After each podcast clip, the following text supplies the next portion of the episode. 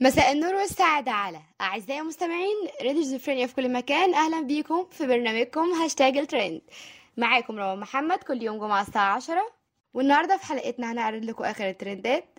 وأهم الهاشتاجات زي ما عودناكم دايما في برنامجنا إننا نوصل لكم آخر الترندات الحصرية على مدار الأسبوع. وعشان إحنا دايما مهتمين نعرفكم آخر الجديد جينا لكم بكل ما هو حصري.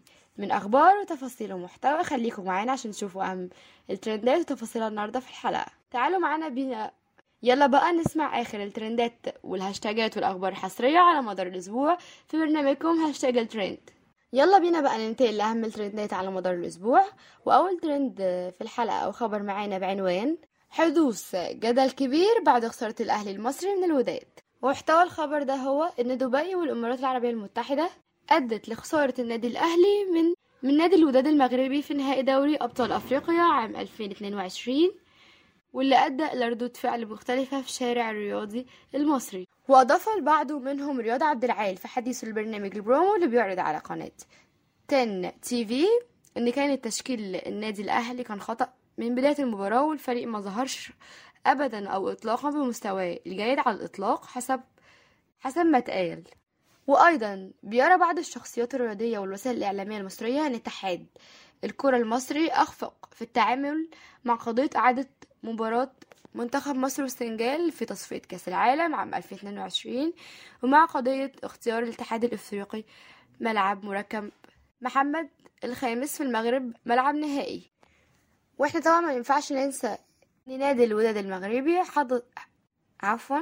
حصد لقب دوري أبطال أفريقيا للمرة الثالثة في تاريخه على التوالي.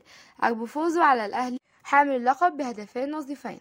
وغرد البعض أيضا ومنهم الإعلامي المصري عمر فهمي على تويتر خاص إن الأهلي دايما بيحارب وحده مع جمهوره لا يوجد عندنا اتحاد كورة كلهم مجرد مناصب وهمية بيتصارعوا عشان بيتصارعوا بس من أجل الشو فليحيى الأهلي وتحيا جماهير الأهلي على حسب تعبيرات وأيضا لفت نجم منتخب مصر ونادي الزمالك الأسبق. أحمد حسام ميدو إلى ان مسؤولي المغرب استطاعوا الاستفادة باقامه مباراة نهائية لدوري أبطال أفريقيا في ملعب محمد الخامس مما أفاد فريق الوداد. وقال ميدو في تصريحاته في التلفزيون لقناة الوحور إن مسؤولي الاتحاد المغربي لعبوا الجيم صح وبطريقة وبطريقة ذكية عشان يكسبوا المباراة منذ البداية ولديهم فوز قوي وصاح. وتابع ميدو قائلا إن هم رتبوا أمورهم عشان يعملوا مشكلة لإدارة الأهلي بحسب استضافة المغرب للنهائي وهم كان في غاية التركيز بالملعب وبيضحكوا والأهلي فضل لمدة أسبوعين بيحاول يحل المشكلة خارج الملعب. وحصل خلافات كبيرة خلال الاستوديو التحليلي بين مصري والجمعة والمغربي يوسف شيب على اختيار الكيفي للملعب النهائي وحضور الجمهور. إذا تحدث وائل جمعة وقال إن المباراة محسومة عشان إن هي داخل ملعب. الوداد وهي مباراة نهائية مع الاحترام للوداد والمغرب. الجمهور سلاح الأهلي الأساسي حس إن في ظلم كبير وساحق من بداية إن الأهلي يلعب في المباراة النهائية دي المحددة. مباراة واحدة بغض النظر إن المغرب أولا حسب ورد الإعلامي المغربي يوسف إن المشكلة مش عندهم. دي بالعكس دي راجعة للاتحاد المصري والنادي الأهلي. والجمعة غلبته العاطفة إن جمهور النادي الأهلي اتحرم من هو من مشاهدة المباراة من غير جمهور. فريق الأهلي كمان اتحرم من ده ودي حاجة مش صح إن هما يحرموا جمهور الأهلي من مشاهدة المباراة. وقال نجم المنتخب المصري ونادي الأهلي المصري السابق وائل جمعة عن خسارة الأهلي ألف الاستوديو تحليل على شاشة قناة بينيك سبورت لنهائي الدوري أبطال أفريقيا.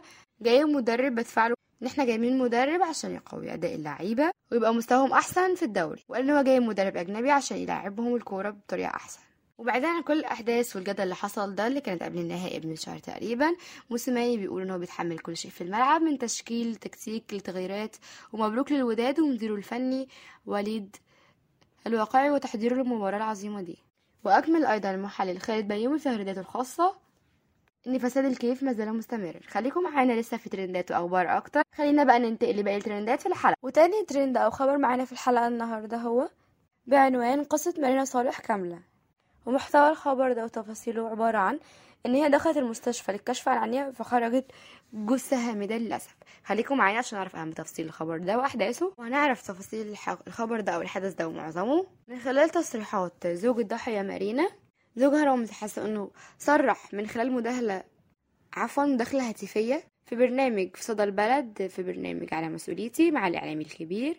وحزن وشرح كل تفاصيل القضية بالتفصيل وقال إن آخر كلمة نطقتها الشابة مارينا صالح اللي عندها عش- 29 سنة إنها كانت بتستنتج بزوجها من داخل أحد المستشفيات الخاصة لعلاج العيون بتقول الحقني أنا بموت. والبداية كانت يوم الحد اللي فات لما راحت مارينا عشان تعمل بعض الفحوصات اللي عليها لمعاناتها من الإحمرار بأحد عينيها.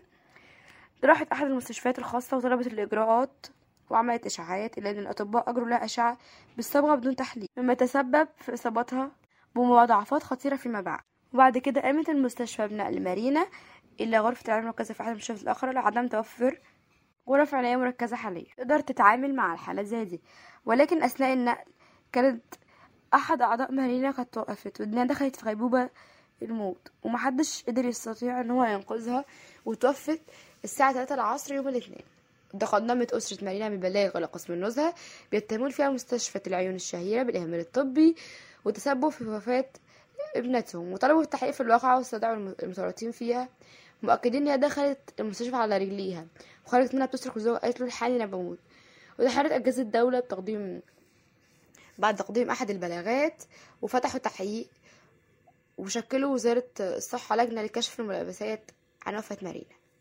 ربنا يصبر أهلها يا رب وإن شاء الله تحل القضية. خلينا بقى ننتقل للترند التالت معانا في الحلقة. ومن أهم الأخبار اللي بتصدر الترندات على مواقع ال social media سيدات مصر العظيمات وحكاية أول واعظة بمحافظة المنوفية. خليكم عشان نعرف محتوى الخبر ده إيه. وهو أن الواعظة تيسير محمد بدأت تنظم جلسات أسبوعية للإفتاء بمجمع إمام سيف أبو المكرم. عملت لمدة عشرين عام في الدعوة بالمساجد كانت قصتها إن هي خدت تصريح وعظة متطوعة من بداية واحد اتنين عام 2019 وعملت لمدة عام وبدأت تساعد النساء في معظم المتاوى عفوا الفتاوى. وبالفعل نجحت في ده والكل بيشيد لها بده. ودي كانت نهاية حلقتنا. خليكم معانا في الحلقات الجاية. لسه في ترندات أكتر وأخبار أكتر. نتمنى تعجبكم الحلقة ونتمنى لكم يوم لطيف. ودمتم سالمين.